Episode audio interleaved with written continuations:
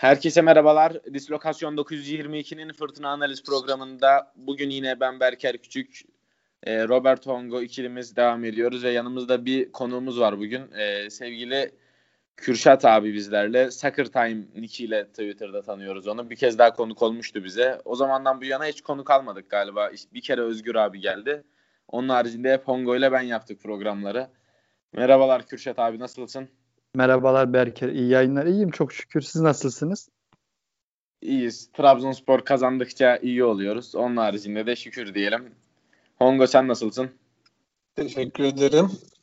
İyiyim. Sizler değilsiniz umarım. İyiyiz. Ee, idare ediyoruz diyelim. Bugün Trabzonspor yine galibiyete gitmesini bildi. Yani geçen hafta e, Beşiktaş maçında %30-35 topa sahip olan ama yine galibiyete giden bir takım vardı. Bugün ise %61,5, %62 topa sahip olan yine galibiyete giden bir takım var.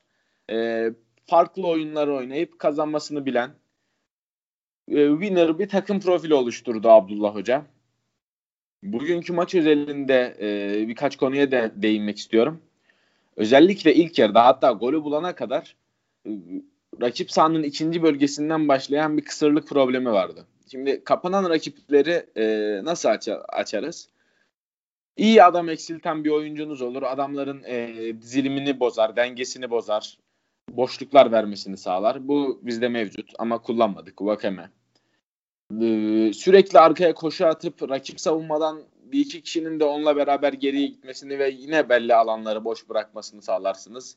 Böyle koşular atabilecek oyuncularımız ve o koşuları atacak oyunculara pas atabilecek Berat, Bakıstas gibi oyuncularımız da mevcut.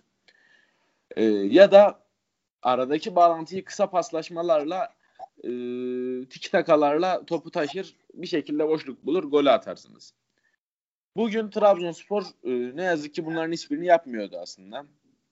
O yüzden biraz ilk yarıdaki oyun beni e, üzdü diyebilirim. Gerek Bakasetas'ın e, Denizli Spor blokları arasında kaybolması, gerekse e, Trabzonsporlu oyuncuların o ikinci bölgeden itibaren topu taşımakta zorlanması ama topu taşıdığında da çok e, iyi net pozisyonlara girebiliyor olması tabii ki güzel bir şey. Ama top taşımakta zaman zaman sorun yaşadığımız net bir şekilde gördük. 60. dakikada işte az önce bahsettiğim bir e, kilit pasla, Bakıştas'ın bir kilit pası, sonra dar alandaki ufak ufak dokunuşlarla bulunan boşluk, atılan gol. Sonrasında zaten Trabzonspor'un hakimiyetinde geçen oyun hiç pozisyon vermedi bugün Trabzonspor. Bu çok sevindirici zaten. Genel olarak işte bu az önce bahsettiğim topu taşımakta zaman zaman yaşanan problemler haricinde e, ben oyundan memnunum, razıyım. Hücumda farklı varyasyonlar, farklı kreatif e, görüntüler seyretmek isteriz. Ama bunun da zamanla daha da iyiye gideceğine inanıyorum. Abdullah Hoca çünkü geldiğinden bu yana e, gerek oyun gerekse puan durumunda yukarıya doğru seyrettirdi takımımızı. Ben bu konuyu da konuda da daha kreatif bir takım izlememizi sağlayacağını düşünüyorum. E, sizlerin genel olarak maça dair görüşleriniz neler? Kürşat abi senden başlayalım.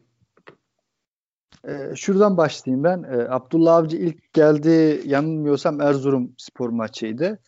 Benzer bir evet. maçı izlemiştik ama tam tersi olmuştu.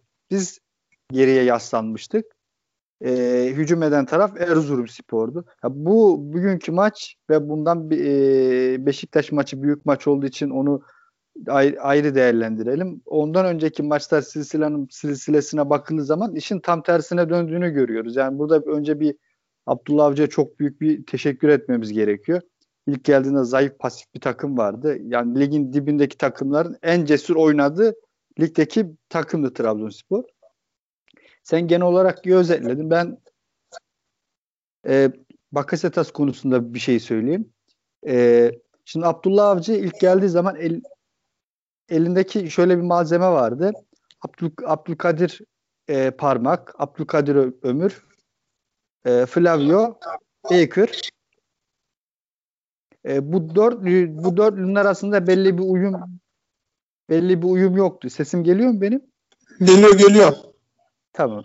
Geliyor, e, bu, dörtlü, bu dörtlü arasında e, belli bir uyum yoktu. Bunun oluşması e, yaklaşık bir 8-10 haftayı buldu.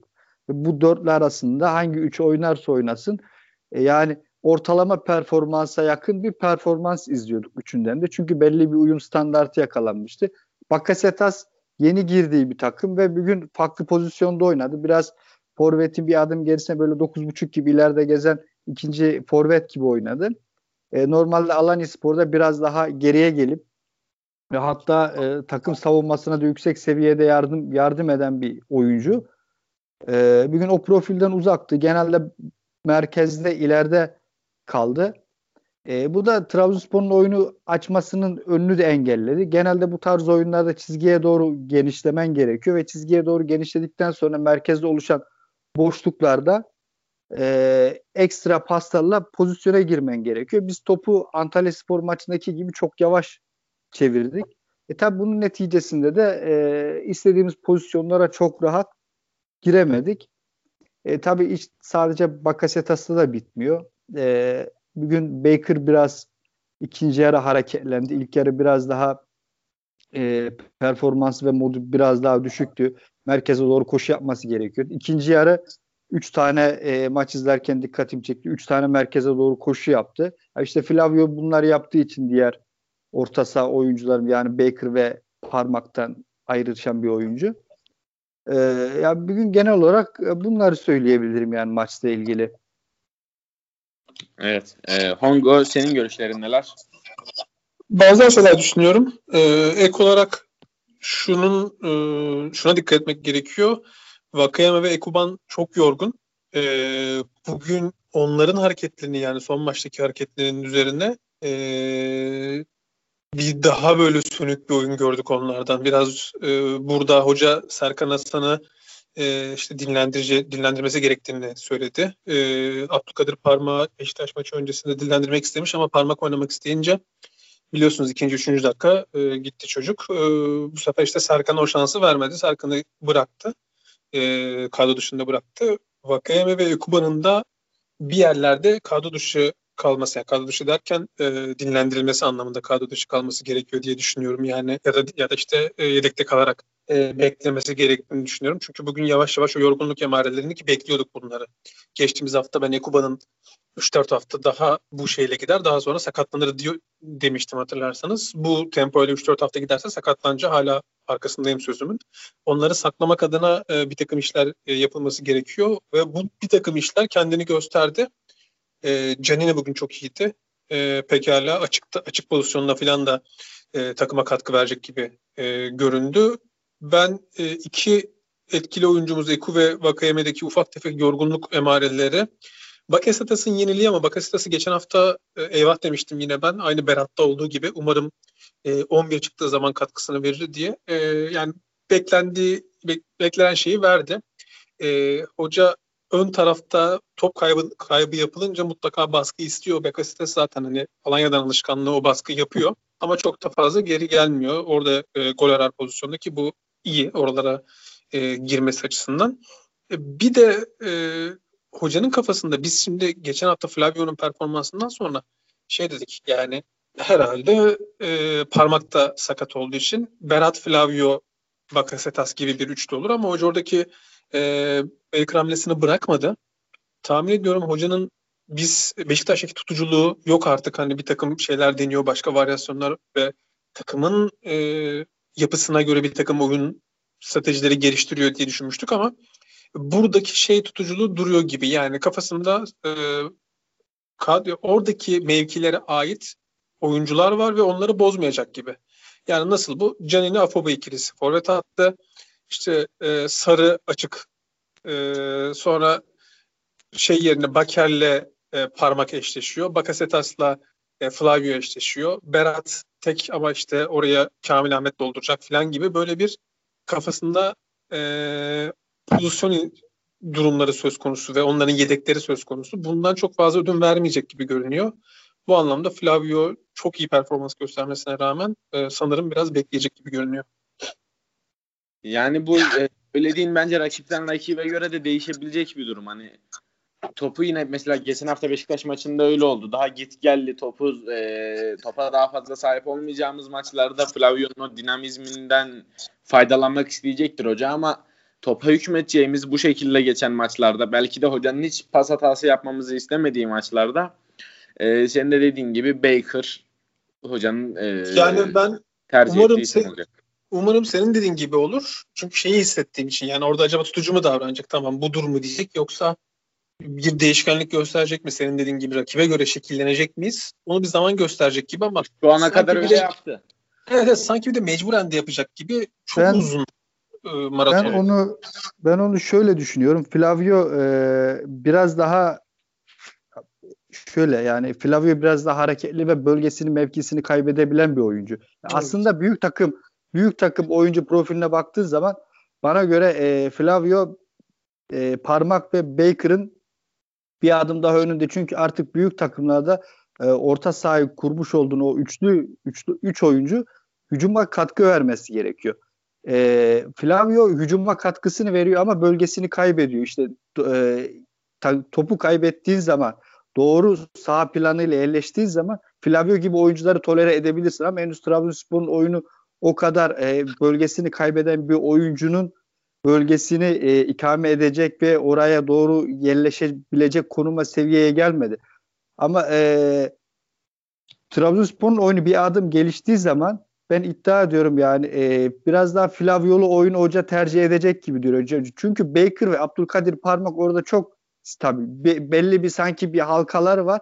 Oranın dışına çıkmak çok fazla istemiyorlar. E, Berat'ın zaten e, bu kadar çok göze batması, bu kadar özel bir oyuncu olması Gençler Birliği'nde bu sahada e, yani hem işin savunma kısmı hem hücum kısmında başarılı olması ve ceza sahasında topla maç ortalaması 2.1 oranında buluşmasıydı. Ya zaten ekstradan bir Berat tabi bizde şu anda o, o pozisyonda oynamıyor ama e, Berat'ın o özelliği var. Flavio'nun da özelliği var. Aslında Bakasetas, Berat, Flavio özelliği büyük takım idealinde daha güçlü bir orta saha gibi duruyor. Flavio'daki tek problem benim gözüme çarpan şutları. Yani bitiriş konusunda son karar konusunda e, biraz daha güçlü şutları sağlam. Belki olsa hani Bakasetas'la bile o mevki için kapışacak gibi ama e, dediğin gibi git gel işte çift taraflı oyun anlamında e, oldukça iyi. Biraz şut özelliği gelişse ki bu saatten sonra bilmiyorum. Özel bu işlere çalışır mı? Çok daha iyi olur gibi geliyor. Ama iyi bir yan parça olduğunu söyleyebiliriz en azından. Yani evet.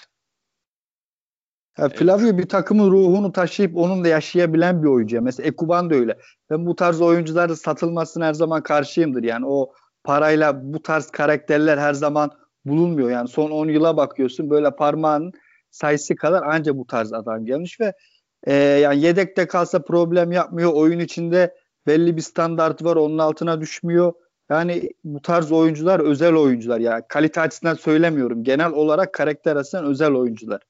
Kesinlikle yani yedek kalsa küsmez. Girer elinden verine yani 89. dakika soksan ne geliyor elinden yapar. Hep bahsediyoruz da yüzü güler, takım arkadaşlarıyla iyidir vesaire. Katılıyorum kesinlikle. Ee, şimdi bir istatistik paylaşacağım sizinle. Berat Özdemir bugün 96 pas yapmış. Trabzonspor'da ondan sonra en fazla pas yapan isim Baker. O da 63 pasla. Yani e, bir buçuk katı Baker'ın evet. Berat pas sayısı. Ve pas isabet yüzdesi %92.7. Bu 96 pasın 13'ü uzun top. Başarı, on, bu 13 uzun topun 13'ü de başarılı olmuş. Ee, evet.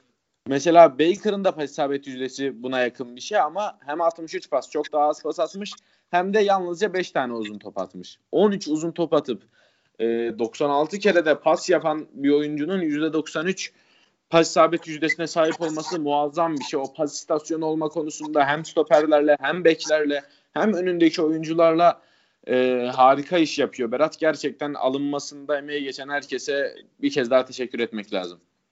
E, genelde benim az çok bilen e, bilir yani ben biraz ekonomiye meraklıyım biraz araştırıyorum farklı kulüpten birkaç kaynaktan da araştırıyorum. E, şöyle bir şey Berat e, yani gerçekten maliyeti uygun bir maliyete alındı yani bazen ya genelde hep eleştiririm bu tarz pahalı transferler. Berat'ın maliyetine kimse bir şey söyleyemez ve Berat çifthaneli rakamları çok rahat satılabilecek bir oyuncu yani. Yani en fazla bir, bir buçuk sene bizde oynar. Sonrası yok. Şey ürün alırken FP analizi yaparız yani fiyat performans evet. tam FP oyuncusu oldu. Yani en fazla Kesinlikle. bir buçuk yıl bizde e, 24 yaşına geldiği zaman yolu açık olsun. Yani inşallah iyi de bir para kazandırıp gider. Ondan ee, şüphe yok. Bunun haricinde bugün beklerin bir de performansını konuşmak istiyorum. Ben hem Kamil'in hem e, Marlon'un. Ya ben zaten Marlon'un çok aksadığını söylüyordum. Bugün yine e, iyi giden takımda işte yapmadığı bindirmelerle, pas oyununda yaptıklarıyla, e, akan oyunda bazen anlamsız şekilde saçma sapan yer tutmasıyla hani normalde ne olur? Bek oyuncusu çizgide olur. E, kanat oyuncusu half space'e o yani daha merkeze yakın konuma e, yerleşir. Zaten genel olarak da Wakame'nin çizgide olduğunu biliyorduk ama Marlon oraya gidince e, bir de geriye dönmesi falan da çok zor oluyor. O kadar merkeze yerleşince. Ben yer bileğiyle ilgili problemleri olduğunu zaten düşünüyorum. Paslarında bence zaten sıkıntılar var. Marlon'un pas oyununda çok zayıf kalıyor. Ee, defansif anlamda da bize şu ana kadar pek çok kez penaltı şüphesiyle burun buruna bıraktı. Defansif anlamda da bu maç üzerinde konuşmuyorum. Genel olarak aksadığını düşünüyorum. E, Marlon takımın aksayan bir parçası. Bir de Kamil'i konuşacağım. Yani Serkan işte oynamadı. E, sakatlığıdır, performansıdır. Sebebini bilmem. Ya, sakatlı olduğu söyleniyor. Saygı duymak lazım tabii. E, Kamil bugün oynadı. Çok mu yani harika performans sergilemedi belki ama kötü bir performans da sergilemedi. Ben bundan sonra e, Kamil bir hata Kamil'in bir hata yapmaması durumunda hocanın Kamil'le devam edeceğini düşünüyorum. Sizin bu bek oyuncularımıza dair yorumlarınız neler? Hongo senden devam edelim. Ya şöyle Marlon katılıyorum yani e, ama şu, yani benzer işte yani rakibi karşılarken bugün bir pozisyon var çok rahat e, golden sonra oldu. Çok rahat karşılayabileceği bir top. E, rakip taraf işte bizim solumuza kendi sağına doğru topu açtı.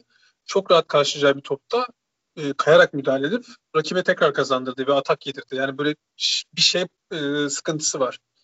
Ne denir buna? Timing yani böyle bir e, koordinasyon sorunu var e, topla ve topsuz oyun kısmında karşılama anlamında ve kesme anlamında. Ama şunu da şey yapmıştım. Yani Marlon olmazsa kim olur? Yani işte şeylerimiz ortada. Bütçe meselesi ortada. Bugün işte sol bek deyince e, Türkiye'de hadi tutup diğer takımlardan filan e, bulalım desek de çok acayip bekler yok e, sol bek anlamında. Yani çok acayip bekler yok onu kabul ediyorum. Türkiye'de bek oyuncularının kalitesi zaten düşük ama Marlon'dan iyi pek çok bek olduğunu düşünüyorum. Ya, e, evet evet ama hani şey e, onlar, onları da sayarız. Yani elle sayarız. 3-5 tane falan sayarız. Biraz şey sanki artık e, o denge hani harcayacağımız para bulacağımız oyuncular vesaire sezon başı için bir planlama ve işte oyuncu izleme bunu izleyen kişiler bunun transfer edilmesini e, öneren kişiler özelinde bir e, eleştiri yapacaksak evet daha iyi bir sol bek oraya monte edilebilir miydi? Bir yandan şey e, korkutucu Marlon'un e, arkasında Faruk Can bekliyor. E, yani fena görünmüyor kumaşı ama hiç 90 dakika bırak hani 50 dakika çıkartacak gibi görünmüyordu. İzlediğimiz futbol maçında en azından öyle gördük. Bu anlamda orası belki Kamil Ahmet'i hani e, Serkan'ı dinlendirdi. Git biraz da e, Marlon'u dinlendir şeklinde o tarafa atmak falan çözüm olabilir ama bu sene sanki şey e, öyle gidecek gibi. Ama evet aksamalar konusunda katılıyorum sana. Yani tabii bu sezon için daha zaten yapılacak bir şey yok. Belki Tronsen dönecek de e, ritim bulacak, kondisyon yok. bulacak da çok zor. Evet yok. bu sezon galiba Marlon'la geçilecek. Ee, Serkan'a dair hemen özür Serkan ve Kamil'e dair daha doğrusu görüşlerini alalım. Ee, Serkan ben e, neden o kadroda göremeyeni şey yaptım hani neden yok acaba diye yedeklere falan da baktım. Önce 11'e bakmıştım. Hiç Twitter'a falan girip bakmadım e, şey başında. E, sonra açıklamasını gördüm. E, Twitter'da paylaşan arkadaşlardan e, Abdullah Avcı işte testlerde sorunlu çıktı falan diye. Bir kere çok sevindim buna. Buna iki nedenden çok sevindim. Birincisi geçen senenin başını hatırlayın. Türkiye Kupası, UEFA Kupası ve Lig. Ünal Karaman e, beraber girdiğimiz sezon Sosa e, Novak, e, Vakayeme, Pereira, bir iki kişi daha. Bunlar artık e, 30 küsür yaştaki adamlar.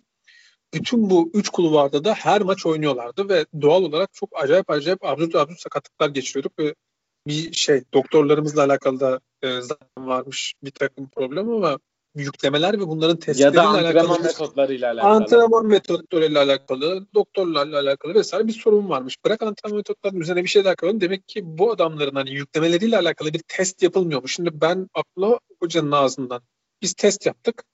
İşte adile sertleşmesi, orada laktik asit testi vesaire türü testler yapıyor tahmin ediyorum. Yorgunluğa bağlantılı olarak o e, sakatlanmanın ihtimalini ortaya çıkartan filan. Bunu duyuyor olmak çok keyifli. Çok güzel bir şey. Neden güzel? Bizim e, e, bunu söylediğim gibi ikincisi, birincisi bunun profesyonel yapılıyor olduğunu birinin ağzından duyuyor olmak. Profesyonel bir iş olması nedeniyle. İkincisi şundan güzel. E, bizimle, taraftarla iletişen birisi var. Yani ben açıp baktığım zaman aa Serkan niye yok diyorum. Sonra bakıyorum e, şey mi var kaç cezası vardı ben mi kaçırdım? Hayır öyle de bir durum yok buluyorum. Sonra bir bakıyorum teknik direktör bunun bana açıklamasını yapmış. Bu iki neden Serkan'ın olmayışı benim yani oradaki karar ve o kararın süreci doğru ya da yanlış tartışmıyorum. Sürecin e, hoşuma gittiğini söyleyebilirim. Kamil Ahmet Özler'inde e, belki kaçırdık e, Ekuban ve Flavio'dan bahsederken Kamil Ahmet uygun bir ücretle her takımda olması gereken bir oyuncu. Sen bugün işte az önce hemen bir anda aklıma ne geliyor? Aa, Marlon'un yerine Faruk Can olmazsa ne yapacağız? Kamil Ahmet. Bugün Serkan olmazsa ne yapacaksın? Kamil Ahmet. Ön liberalarından birisi olmazsa Berat yerine ne yapacaksın? Yine Kamil Ahmet. Bunu geçen sene e, ön libero'da oynattık, verim de aldık. Hatta hatta çok mu kötü durumdasın? Açıklarda defansif olarak da oynadı geçen e, sezonlarda. Açıklarda işte sağ açıkta özellikle veya çok zorlarsanız sol açık. Yani 4-5 tane pozisyonda sana opsiyon tan tanınan bir adam. Ee, ve uygun fiyatı oynatabiliyorsan her takımda olması gerekiyor Kamil Ahmet. İkisi hakkındaki görüşlerim böyle. Ee, Kürşat abi senin görüşlerin neler bek oyuncuları ile ilgili? Ee, Marlon'dan başlayayım. Ee, şöyle bir şey. Ee, bir defa bizim Marlon'u kiralama e, bonservisini almamız e, 2 milyon euro. Trabzonspor'un bu transferi Marlon'la devam etmek için yap, yapılmadığı çok belli. Yani bir geçiş süreci transferde e, çok başarılı bir sezon geçirmedik. E, çok da iyi çalışılmadı. Bir daha bir lafına Genelde- giriyorum. Ee, şöyle bir bilgim var benim. Marlon Trabzonspor'un transfer listesinde alınacak, alınması düşünülen sol bek oyuncuları arasında son sıradaymış. İşte alınamaya alınamaya alınamaya Marlon'a düşürmüş. 7. Zaten- sırada. Efendim? 7. sırada. Heh. Yani önünde 6 oyuncu varmış. Bu 6'sı Evet. alınamıyor, bu adam alınıyor. Ee, zaten bizim sezon başı gittiğimiz bek oyunculardan yanlış bilmiyorsam bir tanesine Güney Amerika'dan bir tanesine 2.1 milyon euro gibi bir para teklif ediyoruz. Yani daha da fazla çıkmıyoruz. Olmuyor o transfer. Daha sonra işte bir şekilde o olmuyor bu olmuyor. Marlon'a diyoruz ve 2 milyon euro e, satış opsiyonuyla geliyor.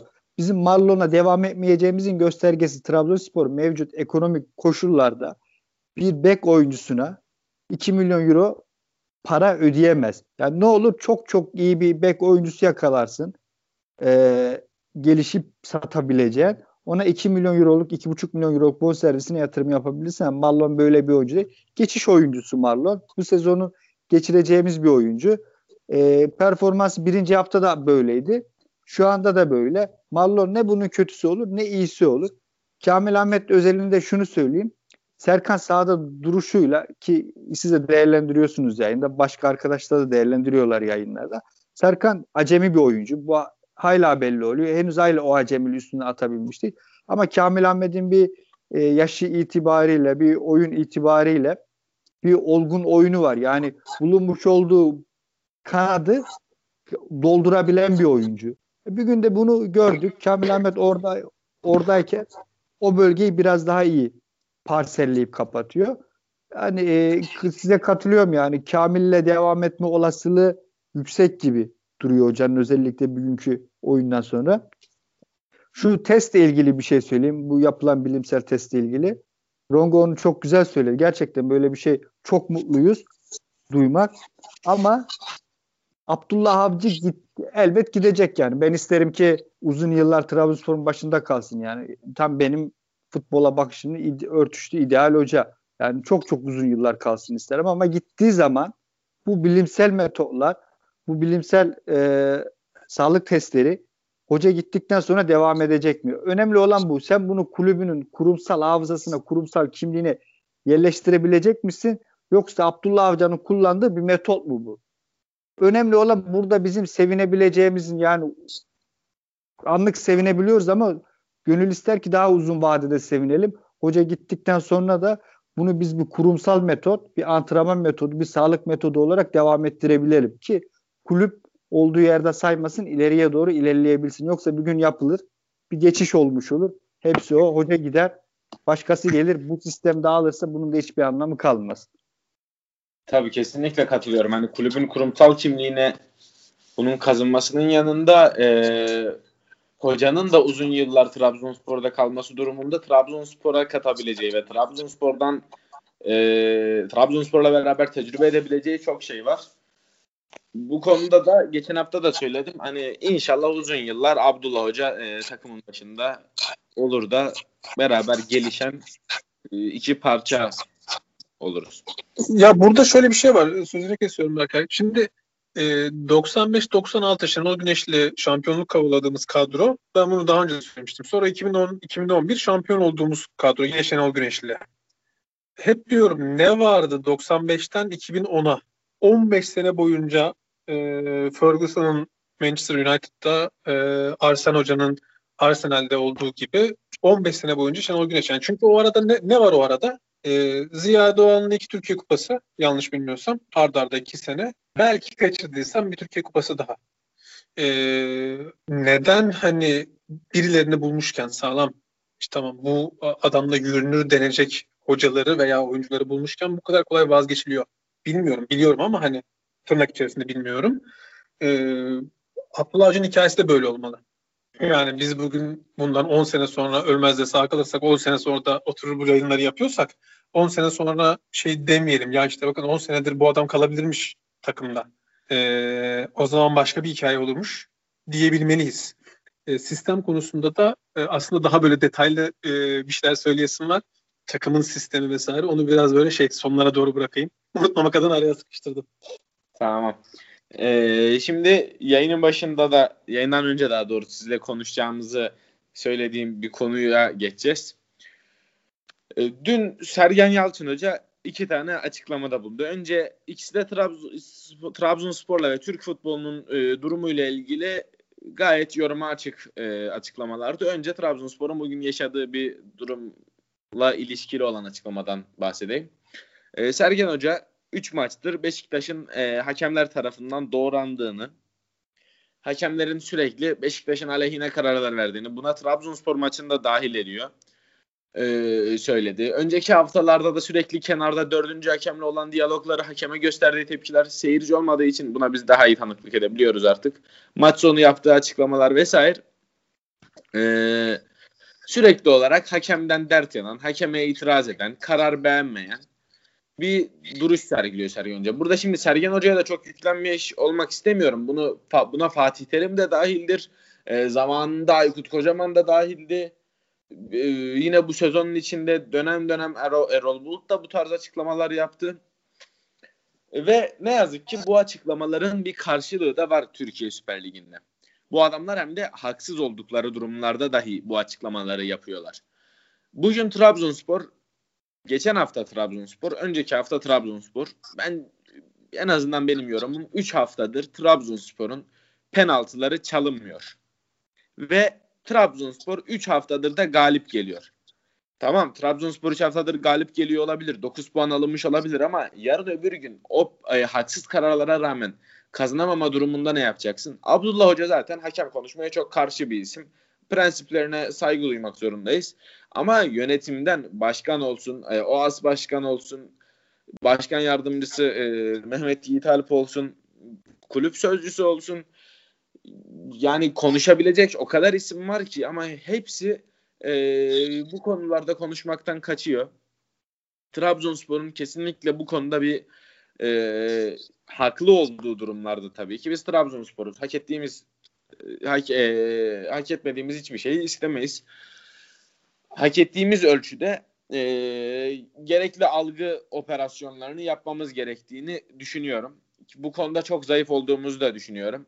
Yine saha içinde oyuncuların işte itirazlarını falan görmeye başladık ufak ufak ama saha dışında sosyal medyada e, ekranlar önünde Trabzonspor'un e, önde gelen isimlerinin de gerekli duruşu sergilemesi gerektiğini düşünüyorum. Hem bugünkü penaltı pozisyonuna dair hem de Trabzonspor'un e, bu tavrına dair görüşlerinizi merak ediyorum. Kürşat abi. Ee, şöyle başlayalım.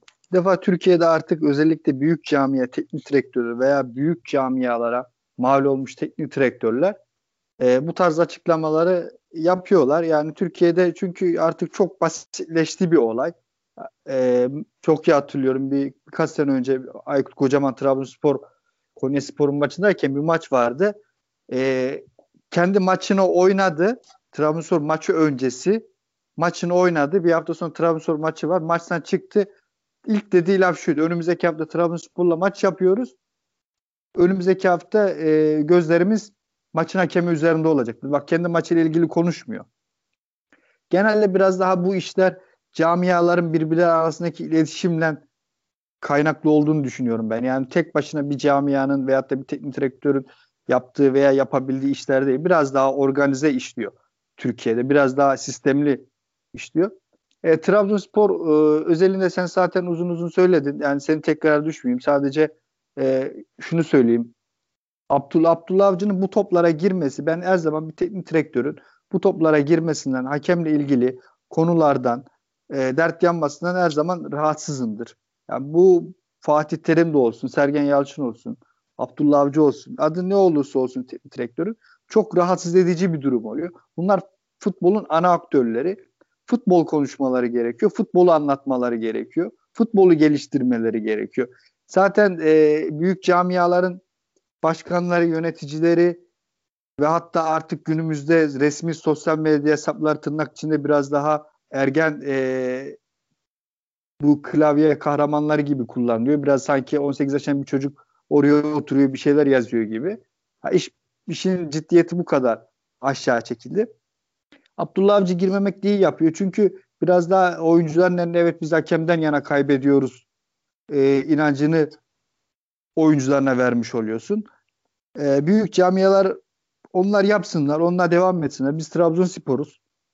Biz de eğer illaki birileri yapacaklarsa kulüp sözcümüz var mı? Var. E, nerede? Ortada yok. İlla birileri konuşacaksa maçlardan sonra mikrofon uzatılıyor bu adamlara. Kulübünün sözcüsü, kulübün nas başkanı. Ben Trabzonspor kulüp başkanına da yakıştırmam böyle şeyler. Bu benim kendi şahsi görüşüm. Ben biraz daha farklı bakıyorum bu olaya. İlla birilerini baskı altına alıp Türkiye'de bu şekilde oluyor deyip herkes gibi oyunu kuranla göre oynamanın çok fazla bir anlam bir alakası yok. Biz yolumuzu farklı bir yere, dümenimizi farklı bir yere kıralım. Biz oradan oradan ilerleyelim. Onlar bizi takip etsinler. İşe biraz daha farklı bakalım. Sesimizi çıkartmamız gereken yerler oluyor. O zamanlarda da dediğim gibi kulübünün sözcüsü olur. As başkanı olur çıkar konuşur ama Trabzonspor teknik direktörü bu toplara girmesin. Yani rahatsız edici oluyor. Bize futbol anlatsın. Biz futbol konuşalım. Yani Trabzonspor halkı da futbolu sever. E biz futbol konuşmayı kendi şahsım adına tercih ediyorum. Yani e, oyunu kuralına göre oynamaktan ziyade ben, bana göre takılmamız gereken tavır e, hak ettiğimiz ölçüde sesimizi çıkarabildiğimiz kadar çıkarmak. En fazla ses başkandan çıkıyorsa bu sesi başkan çıkarsın. Ama eğer hak etmiyorsak sırf e, o yana bu yana saldırmak için bizi bir iki hafta sonra Trabzonspor'un lehine birkaç karar verilmesi için konuşacaksak hiç konuşmayalım. Ama Bravo, hak ettiğimiz güzel, ölçüde evet. E, konuşmak zorundayız. Hongo e, senin bu konuya dair görüşlerin neler? Biraz Türkiye'deki futbol iklimiyle e, alakalı bir şey. Türkiye'de çok iyi e, hocalar var. Yani oyun içerisini bilen çok iyi hocalar var ama bunlar gerçekten sayıları e, sınırlı veya işte onlar itildiler bir kenara. E, çünkü şimdi ben daha önce de belki bir yerlerde yazdım veya söyledim. Türkiye'deki medyayı üç devre ayırıyorum. Birincisi e, eskilerin e, olduğu bu e, Ahmet Çakar ve Erman Toroğlu e, özlerinde yani futbol içindeki ya sağ içindeki futbol yerine saatlerce işte o programları hatırlayın. Saatlerce hakem tartışmasının yapıldığı elinde bir tane çubukla çıkıp Erman Toroğlu e, ya da Ahmet Çakar böyle saatlerce hakem konuşuldu. Hani biz şimdi e, hocanın taktiği neydi? Herhangi bir oyuncunun e, yaptığı koşunun anlamı neydi? E, ne bileyim yani saha içerisindeki görevi neydi? Bunları bize anlatan ya da işte diyeyim taraftar anlatan falan yoktu. İkinci devir e, Uğur Melekeler'in işte Mehmet Demirkol'ların biraz daha e, makul, diğerlerine göre biraz daha dünya futbolunu bilen e, insanların olduğu, biraz daha saha içerisinde konuşmaya çalışan bir devir. Üçüncü devirde post podcast e, ekolüyle gelen bunlar daha az e, fut yani şeyle ilgileri yok. Hakem konuşmayı çok fazla yapmayan, holiganlıkta da çok fazla işi olmayan Sokrates e, elemanlarının başını çektiği daha sonra da böyle bireysel olarak gerçekleşen bir sürü aksiyon bizlerin de bir şekilde sadece e, hafta bir kere transfer konuştuğumuz onlarca yayından bahsediyorum. Bunlar biraz daha saha içerisinde olan biteni aktarmaya, anlatmaya, sohbet vasıtasıyla anlatmayan bir e, yapıdan bahsediyoruz. Biz eskinin kalıntılarını, Ahmet e, Ahmet e, Çakarların, e, Ermen Toroğulların e, kalıntılarını atamamışa benziyoruz. E, o akıl hala teknik direktör. Sergen Yalçın da o aklın devamı. E, Fatih Terim de öyle, filancası da böyle. Yani hakem konuşuyor. Oyunu hakem üzerinde anlatıyor kendi ne yapmak istediğini anlayamıyoruz. Yani ben hani çok mutluyum çünkü Abdullah Avcı'dan bir şey dinliyoruz Serkan'la alakalı dediğiniz zaman Abdullah Avcı ile ilgili e, Abdullah Avcı şunu, şunu da söyledi. Rakibin işte Hakan Hoca'nın 4-5-1 oyununa karşı biz de bir strateji geliştirdik falan gibi oradaki oyunla alakalı tekrar bana bir şey anlattı. Ben teknik direktörden teknik anlamda, taktik anlamda bir şeyler anlamak istiyorum. Ne yapmaya çalıştığını. Yani yoksa sağ, e, şey başında da bunu bekliyorum. Maç başında da bunu bekliyorum. Maç sonunda da bunu bekliyorum. Dinlediğim bir televizyon yayınından, dinlediğim bir radyo yayınından, podcast yayınından bana maçla alakalı bir şey anlatmasını istiyorum. Taktik, teknik, oyuncu e, ve bunun perde arkası vesaire bu hikayeyi bekliyoruz. Ama ısrarla e, birileri başka hikayeler anlatma derdinde. E, umarım Sergen son kalıntılarıdır. Çünkü yeni gelen e, bu medya ile beraber şekillenen bir şey. Üçüncü medya devri dedim ya podcast ve biraz daha serbest yayıncılık. Onlarla beraber gelen ve o e, kültüre aşina oyuncular ve hocalar umarım e, izleyiciye artık hani taraftara e, oyunla alakalı bir şeyler anlatırlar. Ben şeye katılıyorum. Bununla ilgili şunu yani... söyleyebilirim. Ee, Abdullah Hoca'nın öğrencisi olan Çağdaş Atan Hoca şu an e, özür dilerim. Sergen Hoca'nın öğrencisi olan Abdullah Hoca'nın çıktı. Çağdaş Atan Hoca soruları cevap e, hakemle ilgili olan soruları cevaplamıyor mesela. Tamam Aynı yani çok güzel. Çok Efendim? güzel. Bunu bekliyoruz yani. Çok güzel. Bunu bekliyoruz. Yani şey e, hoca hatta bana niye taktikle alakalı bir şey sormuyorsunuz diye sinirlenmişti Çağdaş Hoca. Çünkü e, hala o bir kısım medyadaki kalan törpünün kaybolması gerekiyor. Yani biz bizler yeni nesil işte çünkü bunlar e, dünyaya aşina hani sosyal medya vasıtasıyla artık e, yayıncılığın gelişmesi e, vasıtasıyla adam çok rahat şey diyebiliyor. Ya bu ne bu ne biçim oyun ya? Türkiye Ligi'nde oyun mu oynanıyor diyor. Açıyor Premier Ligi izlemeye başlıyor. Sen buranın izleyicisini de kaybediyorsun. Buranın izleyicisini kaybedince de Bein Sports'ta anlamsız anlamsız kavgalara giriyorsun. Adam senin e, ligine hükmediyor. Neden? Çünkü senin ligine etmeyen bir paraya vermiş. Neden etmiyor? Çünkü sen kendin içerisindeki yerli yani Türkiye vatandaşı bile senin ligini izlemek istemiyor. Neden? Çünkü sen oyun adamlara hakem üzerinden anlatıyorsun. Hakem rezaletlerini gösteriyorsun sürekli. Adam adaletine inanmıyor buranın. Oyun zevki yok. İtalya'yı açıyor. E, Premier Ligi açıyor. Almanya'yı açıyor. Orada da bir şeyler görüyor ama e, az görüyor. Ya da oyunun doğası gereği görüyor. E, biz katılıyorum e, dediğim gibi işte Kuşat'a şey e, oradan olmamak gerekiyor. Evet o ben şeyden bahsediyorum. O, o işi saha içerisindeki isyanla vermek gerekliliğinden bahsediyorum. Yani saha içerisinde bitireceksin onu. Nasıl bitireceksin? Taraftarla. Nasıl bitireceksin? Birkaç e, çirkin oyuncuyla diyeyim onun ismine. Hep konuşuyoruz ya Pereira. Bakasetas da biraz öyledir. Bu tip birkaç e, şey oyuncuyla saha içerisinde e, yapman gerekeni yaparsın ama çıkınca bitmiştir. Yoksa 3 hafta boyunca e, Başakşehir Süper Lig maçı e, üzerine Beşiktaş maçı, üzerine bugünkü maç yani konuşması gereken varsa biziz. Kesinlikle katılıyorum. Ee, bir sonraki konuya geçelim. Yine Sergen Hoca'nın açıklamaları üzerinden gideceğim. Yani şimdi Sergen Hoca'nın da üstüne giriyormuş gibi sürekli hani onun üstüne konuşuyormuşuz gibi gözükmeyelim ama daha yeni yaşandı Sergen Hoca'nın açıklamaları. Aslında bir ee, sembol burada Sergen Yalçın. Öyle diyelim. Bir sembol. Heh. Türkiye'de yani. hep bu tarz teknik direktör olur. Sadece şu anda onun ismini kullanıyoruz. Hepsi bu. Evet kesinlikle. Ee, dün de dedi ki Antalya Spor Ersun Yanal'ın Hatay Spor'dan 6 gol yemesinin ardından Antalya Spor. Antalya Spor yani toparlıyorum. Antalya Spor Hatay Spor'dan 6 gol yedikten sonra Ersun Yanal daha defansif, e, daha savunmacı bir oyun anlayışı benimsedi ve sonrasında da kalesinde pek çok maçta gole kapamayı başardı.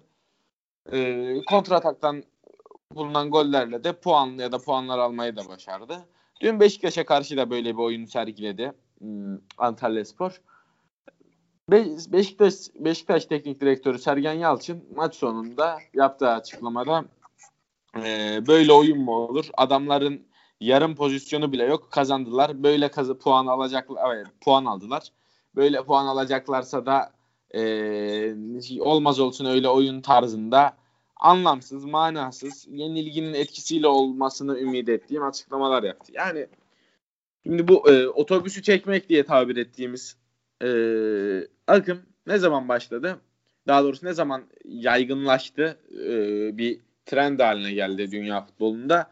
2010 yılında Mourinho e, Inter Barcelona karşılaşmasında yarı final maçında Şampiyonlar Ligi'nde Inter 10 kişi kalınca 70-80 dakika savunma yaptı. İşte 1-0 yenildiler sonra finale uzandılar. Ee, 10 sene önce dünya futbolunun zirvesinde yaşandıktan sonra pek çok takımın e, benimsediği bir oyun anlayışından bahsediyoruz. Bugün İngiltere'deki pek çok takım da bu oyun anlayışını benimseyerek e, Avrupa Ligi'ne katılabiliyor. Mesela Wolverhampton daha geçen yıl Beşiktaş'la oynadı Avrupa Ligi'nde. E, tam olarak buna parklı bas denemez onların oynadığını ama yine savunmacı bir anlayış.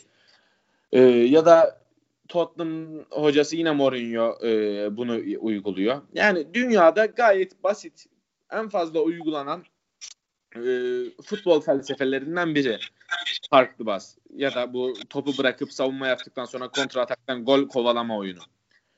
Ancak Sergen Yalçın hani anlatıyorlardı ya işte öyle bir taktisyen ki 8 tane set oyunu çizip öyle çıkıyor sahaya.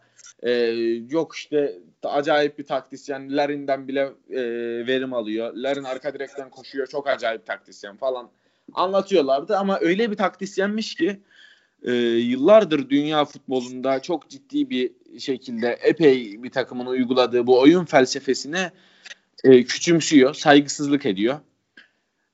Yine Trabzonspor Antalya Spor'a puan kaybettiğinde bir birlik bir skorla. Abdullah Avcı Hoca e, rakibimiz bloklar arasındaki mesafeyi e, kısa tutarak araya oyuncu sokmamızı engelliyordu.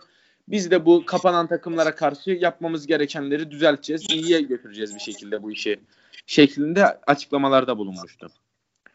Yani hocalık kalitesinin farkını da görüyoruz buradan da. Yani Türkiye'de futbol öyle bir noktada ki bunu daha önce Çağdaş Atan da buna benzer açıklamalarda bulundu dünya futbolundaki çok önemli bir trendi yok sayan hocalar var. O kadar kalitesiz bir e, lig. Ben hani baya e, sen de dedin bunu Kürşat abim yayından önce. Dinlerken utandım. Hakikaten dinlerken utandığım bir e, açıklama oldu. Sergen Hoca'nın açıklaması. Bu kafa yapısına sahip pek çok antrenör de var ligimizde. Üzülerek bunu söylüyorum. Bu açıklamalarına dair Sergen Hoca'nın ve Türk futbolunda işte Abdullah Hoca'nın tutumuna, ee, yine teknik direktörler üzerinden gideceğiz. Türk futbolundaki bu duruma dair görüşlerinizi alalım. E, Hongo senden devam edelim. Şimdi burada e, sen Mourinho'dan çektin çizgiyi. E, çok daha gerilere gidelim. Yani futbol tarihi üzerinde biraz okuyan, futbol tarihi üzerinde biraz düşünen, ne olmuş ne etmiş diye bakan insanlar varsa şunun farkına varacaklar. Türk dünya futbolu, futbol oyunu ve bütün sporlar tezler ve antitezlerden oluşur. Bizde az önce söylediğim gibi hakemden başka bir şey konuşulmadığı için e, bu tezler ve antitezlerin dünyada futbolun nereye gittiğiyle alakalı çok fazla e, kafa yoran insan yok. E, sen en başta işte e, 2-3-5'ten ve hatta onun öncesindeki sistemden başlarsın. E, çok fazla 1-2-7 1-2-7'den sonrasında 2-3-5'ten falan başlarsın e, en son 4-6-0'a kadar geldik. İşte 4-6-0'dan tekrardan bir forvet gerekliliği var mı acaba falan işte biraz daha farklı bir e, tarza evrili, evrilen bir oyun.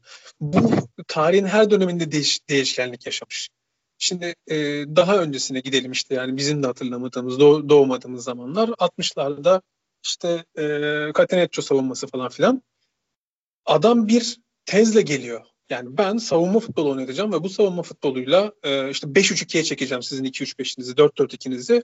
Yok benim için. Benim için 5-3-2 var. Süpürücü bir e, savunma oyuncusu. Bu şekilde sonuç almaya çalışacağım. Alır mısın? Alır. 5 sene, 6 sene e, üst üste müthiş başarılar vesaire. Ancak bir antitez gelir bunun üzerine. Celtic, 67 Celtic e, o Catenaccio savunmasını darmadağın etti. Neyle? 4-2-4'le. Bak yani tez antitez karşısına bir şey geliyor. Sonra o Celtic işte bir yerlere kadar futbolu götürür.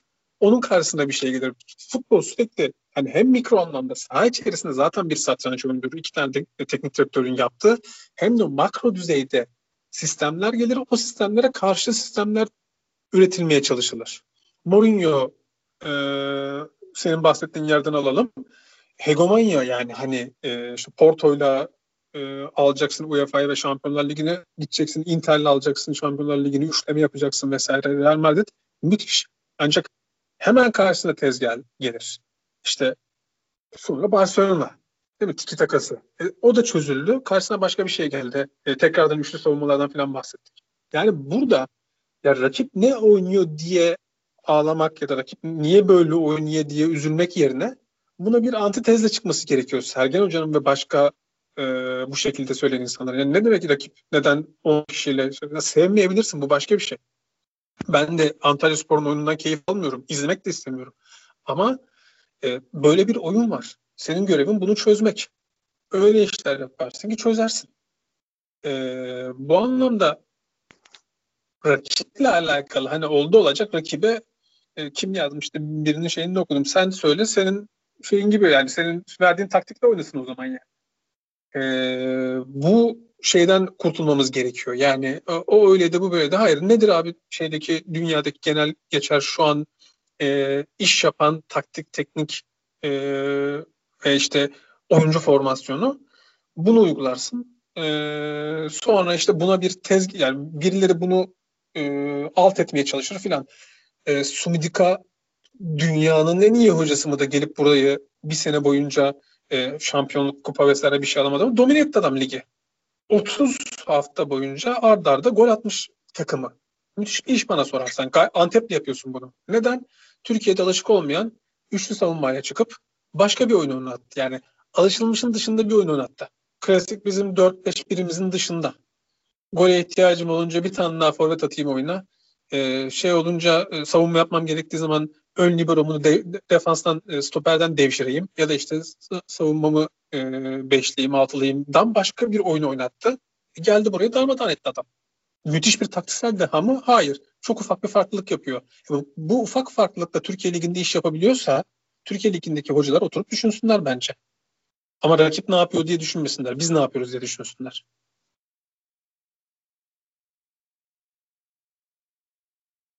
Böyle. ee, Taktik açıdan gayet iyi özetledin olayı. Kaptırıp bir anda sustum. Şey. Gayet gayet iyi. 1890'lara falan götürdü işi bir arada şey diye ama. iyi geldik yere. Ee, Kürşat abi sen bayağı hevesliydin bu konuyu konuşmak için. Bayağı da mutlu oldum ben bunu konuşacağımızı söyleyince yayından önce. Ee, nedir Türk futbolunun ve hocaların bu tavrına dair yorumu? Ee, bir defa Ronco'yu dinlemek güzel yani. Oradan bağlayayım yani. Bizim söyleyebileceğimiz her şeyi çok güzel özetledi, söyledi taktik açıdan. Ya bir kere şöyle bir şey var. Ee, mesela Yunanistan bu oyunla Avrupa şampiyonu olmuştu. Bu oyun e, Rongo da dediği gibi biraz kişisel tercihtir. Nasıl da e, farklı farklı sinema vardı. Tırnak içinde çok çok kaba söyleyelim. Yani her ne kadar iletişimci de olsam çok derine çok derine girmeyelim. Sadece tırnak içinde söyleyeyim işte. Kimisi korku filmi sever, kimisi aksiyon sever, kimisi komedi sever, biri dram sever. Yani bu çeşit çeşittir. Ya oyununu sevmediğin takımın maçını da izlemezsin. Bu artık bir e, nedir? Bir sektör bu. ona para verirsin. Birisi Premier Lig izlemeyi sever. Bu biraz tercih meselesidir. İzlemeyi sevmeyebilirsin. Ben şahsen savunma yapabilen takımlar çok seviyorum. Şuradan başlarım. Savunma yapmak, hücum yapmaktan daha zordur. Bir defa karşında seteyleştiğin zaman karşında hücum, doğru hücum etmeyi bilen takımı kapatabilmek çok büyük efor ve e, disiplin gerektiriyor. Hücumda çok fazla disiplinli olman gerekmiyor. Bugün Trabzonspor hücumda çok disiplinli olduğunu söyleyebilir miyiz? Canini'nin, Ekuba'nın, Vakame'nin her birinin yaklaşık ikişer üçer tane müsait pozisyonda arkadaşları varken pas vermeyi pas vermeyi tercih ettim. Şu tat şu tattı. Ama savunmada öyle değil. Savunmada yerleştiği zaman tam bir disiplin oyunudur. Tam bir kompakt oynaman gerekiyor. Tercih etmemek gibi bir durumun yoktur. Zaten zorunluluktur savun savunmada doğru opsiyondaki topa adam atmak. O topu oraya atmadığın zaman zaten dönen top kalende gol oluyor. Yani savun bir defa bu, bu e, savunma oyunun, savunma oyunu da demeyelim ya. Bu da futbolun bir parçası. Yani bu şekilde oyun oynayan rakibe veya bir takıma onun oyununu küçümseyerek ise savunma yapıyor. Ya savunma yapıyor da bu savunmayı nasıl yapıyor onu bir anlat. Yani sen topu o kadar yavaş çeviriyorsun ki çok iyi savunma yapıyor diye e, savunma oyun oynadı diye gül dalga geçtiği Antalya Spor bugün çok fazla 5 büyük Avrupa Ligi'nin alt sıra takımlarına gitmeye gerek yok. Yani böyle işte e, biraz daha böyle işte Belçika ligi takımların orta seviye takımlar falan çok hızlı top çeviriyorlar. Darmadağın ederler senin bu kapanan takımlarını. Yani sen bir şey yapamıyorsun, bir şey üretemiyorsun. Dönüp diyorsun ki savunma yaptı, 11 kişiyle bekledi. Ya bir teknik direktör herhangi bir teknik direktör kahvehanede oturan bir dayının jargonuyla konuşabilir mi? Bir defa bu şık değil. Sen bunu bir taktik açıdan açıklaman gerekiyor. Sen bu olayı taktik açıdan açıklamıyorsun. E, Yunanistan Avrupa şampiyonu olurken 4-5-1 gibi dizilmişti. E, farklı farklı diziliyorlar. Kimisi 6-3-1 gibi. Yani diz, diziliş tamamıyla senin e, senin adam rakibe göre önlem alıyor ve o mesafeleri doğru şekilde kapatıyor. Araya oyuncu sokmuyor ve sürekli aktif olman gerekiyor. Hücum eden takımların hep beraber aktif olmasına gerek yok. Trabzonspor Abdullah Avcı ile nasıl kazandı? Haftalar boyunca çok mu iyi oyunlar oynadı? Ekuban'ı, Vakamesi, işte Canini'nin biraz hareketlendiği zaman duran topları etkili kullanmak. Duran topları etkili kullanmak gol attı. Çok biz hücumda çok disiplinli bir takım değiliz. Yani biz hücumda daha olmadık ve biz yani henüz hücumda daha %20-25 performans sergiliyoruz. Çok disiplinli değiliz. İyiyiz ama disiplinli değiliz. Biz savunmada disiplinli bir takımız ama evet geçen hafta da Beşiktaş e, çok net bir Uğurcan Çakır'ın 90 artıdan sonra çıkarttığı çok net bir pozisyon var. Evet bugün de yine aynısı oldu. Bir pozisyon iki pozisyon yeni gelişmekte olan bir takım için ben hiç yadırgamıyorum. Gayet normal ama savunmada disiplinli olmak çok önemli. Şu anda Trabzonspor onu yakaladı. Antalya Spor da yeni yeni bunu yakalıyor. Ama çok hareketli bir Antalya Spor savunması izlemiyoruz biz. Top mesela Trabzonspor'un o maçını hatırlayın. Ya topu aldılar. O geride yay şeklinde altılı gibi dizildiler. Ya sürekli top çevirdik. Yani aralara top atayım deneyim yok. Abdullah Avcı bunu bir tık daha ileriye taşıdı bir gün. Yanılmıyorsam istatistiklere bakmadım 30'dan fazla rakip ceza sahasında topla buluşmuşuzdur. Topu oraya indirebildik. Bu bir e, oyunun bir adım daha ileriye gittiğinin göstergesidir. Sergen Yalçın veyahut da başka bir teknik direktör bunları yapmayıp rakip takımın oyununu eleştiriyor. O zaman buyur sen çalıştır rakip takımı hafta içi. Sen hazırla. Nasıl oynaması gerektiğini de sen karar ver. Öyle oynasın. Yani savunma oyununa saygısızlık yapmak çok bir futbol adamına herhangi kim olursa olsun yakışmıyor. Savunma oyununu oynamak, hücum oyununu oynamaktan daha zordur. Çünkü 11 kişi ısrarla o performansını 90 dakika boyunca devam ettirmen gerekiyor. Hücumda öyle değil. Bir kere gittiğin zaman gol atabiliyorsun. Evet. Ya bu ya savunma kere, konusunda bir kere şöyle düşünelim. Hemen bir ben de buradan bağlayayım. Şimdi geçmişin e, ligdeki takım sayısıyla bir 34 haftalık bir periyottan bahsediyoruz. E, Türkiye'deki takımların e, yani Beşiktaş'ın diyelim yani Sergen Hoca üzerinden gitti ya da işte Sergen'i çok konuştuk. Bugün Fenerbahçe olsun. Fenerbahçe'nin e, oynayacağı maçlara düşünelim. 34 tane e, şey lig maçı oynayacak. 10 tane işte e, toplamda 16 tane de Türkiye Kupası ile Avrupa maçı olsun. 50 tane maç oynayacak. Avrupa'da zaten sana böyle çılgınca ka- kapanan takımlar yok. Kaldı kır yani o bir 6-7 tane maçı 10 tane maçı biraz daha erken açmışsan zaten böyle e, tamamen kapanan takımlarla oynamıyorsun. 40 maç falan var ortada. Fenerbahçe için söylüyorum. Fenerbahçe'ye karşı büyükler genellikle kapanmaz. Ee, Galatasaray, Beşiktaş, Trabzonspor. Ee, hadi bunların içerisinde büyük değil ama Başakşehir'in de işte son zamanlarda koy. Ee, birkaç tane de o senenin şey takımını koy. Ee, çık, çıkış yapan takımını. Bu sene için Alanya, önceki senelerde bir sürü bunun örnekleri var. Zaten sen ligde e, Avrupa'da kapanmıyorlar. Türkiye Kupası'nda da cesur oynuyor genellikle görüyoruz takımları. E, birkaç maç öyle çok fazla kapanan gördüm. E, Türkiye'de e, nereden baksan 10 küsur maçta bu bahsettiğim büyükler ve o senenin yıldızı, yıldız takımıyla beraber 10 maçta falan da sana kapanmıyorlar. Yani senin çözüm bulacağın, sana çılgınca kapanacakları geriye kalan 15 tane 20 20 maç var. 15-20 maç. Yani sizin çözüm bulacağım hepsi de Antalya gibi değildir kapananlar. Yani öyle 8-9 kişiyle beklemezler. Biraz daha defansif oynarlar ama yine bir kontra şu, şu bu yoklarlar. Türkiye'deki hikaye bu. E, peki Liverpool ne yapsın? Manchester City ne yapsın son 2-3 senenin? Yani Avrupa'sı veya işte kupası şusu busu. Herkes kapanıyor adamlara. Önceki Pep'in Barcelona'sı ne yapsın? Ya adamlara istisnasız şeyin bütün takımları kapanıyordu. Yani Avrupa'daki takımlar da kapanıyordu. Ben bir Arsenal maçı hatırlarım. Arsen Wenger. Ee, ben de kafa kafaya oynayacağım diye çıktı. Onun haricinde adam Bayern Münih'le oynarken Bayern Münih de kapanıyordu adama karşı, Barcelona'ya karşı. Yani e, sen Beşiktaş'tayken Türkiye Ligi koşullarında 15-20 tane böyle kapanan takım maçını e, kafana takacaksan nasıl büyük hoca olacaksın? Senin kişisel kariyerin Beşiktaş'la sınırlıysa ayrı bir hikaye de daha büyüğü, daha ötesi, yarın bir gün işte Avrupa'sı, şusu, busu veya Beşiktaş'la beraber Avrupa'sı falan yok mu kafanda? Yani ne zaman işte o seviyelere çıkacağız? Yani Premier Lig'e hoca göndereceksin. İşte göndersen Premier Lig'e City'ye gideceksin. City'de sana bütün maçlarda kapanacaklar. Yani e, yine biraz böyle lokal bir kafa. Ha, onun kafasında şey var. Bana açık oynasınlar. Ben burada işte e, 3-5 tane e, klasik oyun jargonumda iş, işi çözeyim. E, lokal ligimizde mutlu olalım. Öyle değil hikaye yani. Bir de işin bu yönüne bakmak gerekiyor. Larin'imiz var, Enkudumuz var. Her halükarda açık oyunda gol atarız. E, tabii yani şey şeyin biraz mızıkçılığı gibi. Benim stratejimi bozdunuzun mızıkçılığı gibi. E niye? Tabii ki olacak yani. Sen bir şey yapacaksın. Ben de hamle yapacağım. Ya e, konuyu yine biraz daha Trabzonspor'a getirelim. evet evet. e, bugün mesela Trabzonspor 25 şut çekti. Rakip Denizli Spor 4 şut çekti. Ee, burada ciddi bir şut sayısında fark var. Trabzonspor galip geldi. Yani kazanamayabilirdi. Ama hani böyle sen de dediğin gibi böyle rakipler olacak. Kürşat abi bir konuya uzun uzun değindi. Ben oradan biraz da onun hakkında konuşmak istiyorum.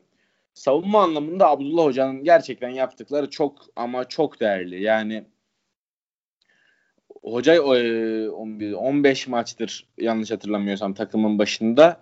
Galatasaray maçı hariç birden fazla gol yediğimiz tek maç yok. Bu bu yani hakikaten çok e, özel bir istatistik. Bunu yapan takım sezona yayarsa net şekilde e, şampiyonluğa oynar diyebilirsin.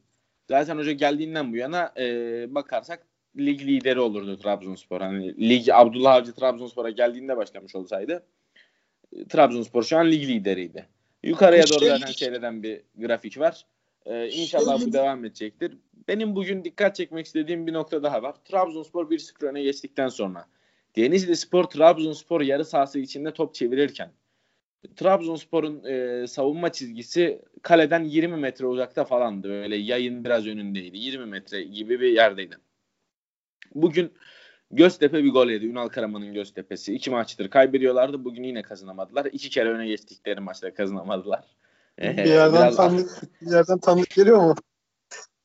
Aynen bir yerden tanıdık geliyor. Ee, iki kere öne geçtikleri maçta kazanamadılar ve yedikleri bir gol var ki e, Malatya Spor kendi yarı sahasından bir top şişirecek. Denizli e, özür dilerim Göztepe Göztepe'nin savunma çizgisi ceza sahası içinde. Ceza sahası içinde ya. Yani Adam yarı sahasından top şişiriyor. Sen ceza sahasının içine kuruyorsun çizgiyi. gerçekten hani Abdullah Hoca'nın bugün rakip bizim yarı sahamızdayken bile e, savunma çizgisini o kadar önde tutup topu ayağına aldığında oyunu rahatlatabilen bir takım oluşturması e, bir önceki daha doğrusu 2 3 önceki hocamızın e, taraftarın da çok e, özlemle andığı hocamızın bugün Göztepe'de çizdiği o tablo gerçekten Abdullah Hoca'ya ne kadar teşekkür etsek az e, çok özel bir isim kazandı Trabzonspor. E, Abdullah Avcı da kariyerine çok özel bir takım yazdırmış oldu. Var mı eklemek istediğiniz bir şey? Sen sonunu güzel özetledin. Ya e, benim yok. Hongo senin? Ben tam araya girip e, şunu söyleyecektim. Hani şu savun, savunmayla alakalı. E, klasik bir laftır. E, belirtmekte fayda var. Hücum maç kazandırır ama savunma şampiyon yapar. O anlamda savunma mühim. Evet kesinlikle. Sadece sadece şunu ekleyeyim. Şu anda aklıma geldi. Eğer biz bu takımın içerisine sağlıklı bir veya iki tane kanat oyuncusu ve Kuban ve Vakame'yi e, ikame edecek bir veya iki kanat oyuncusu atabilseydik biz bu hani bazen e, baskı yiyoruz maçın son dakikalarına son dakikalarına doğru skor aldığımız zaman. Biz bu emin olun biz bu baskıyı da yemeyiz. Çünkü Vakame ve Ekuban yorulduğu için ister istemez hem oyundan düşüyorlar hem çıkartmak zorunda kalıyorsun o son dakikalara yakın.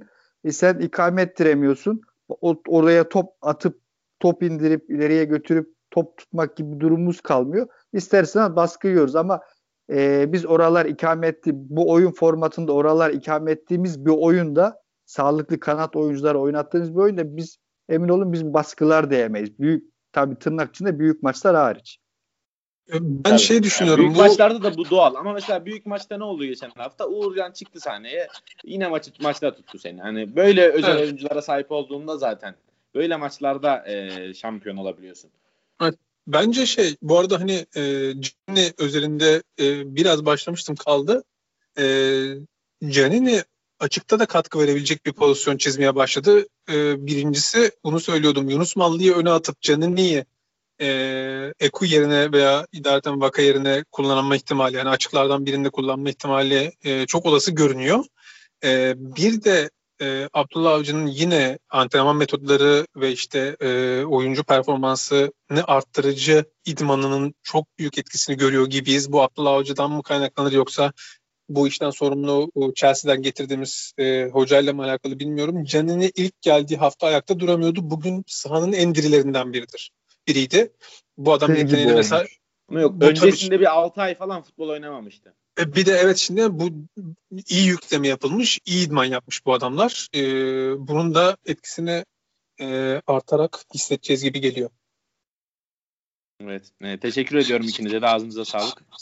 Biz teşekkür ben ederiz. teşekkür ederim davet ettiğiniz için. Sağ olun.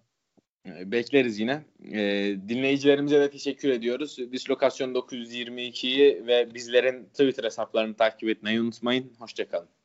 Hoşçakalın.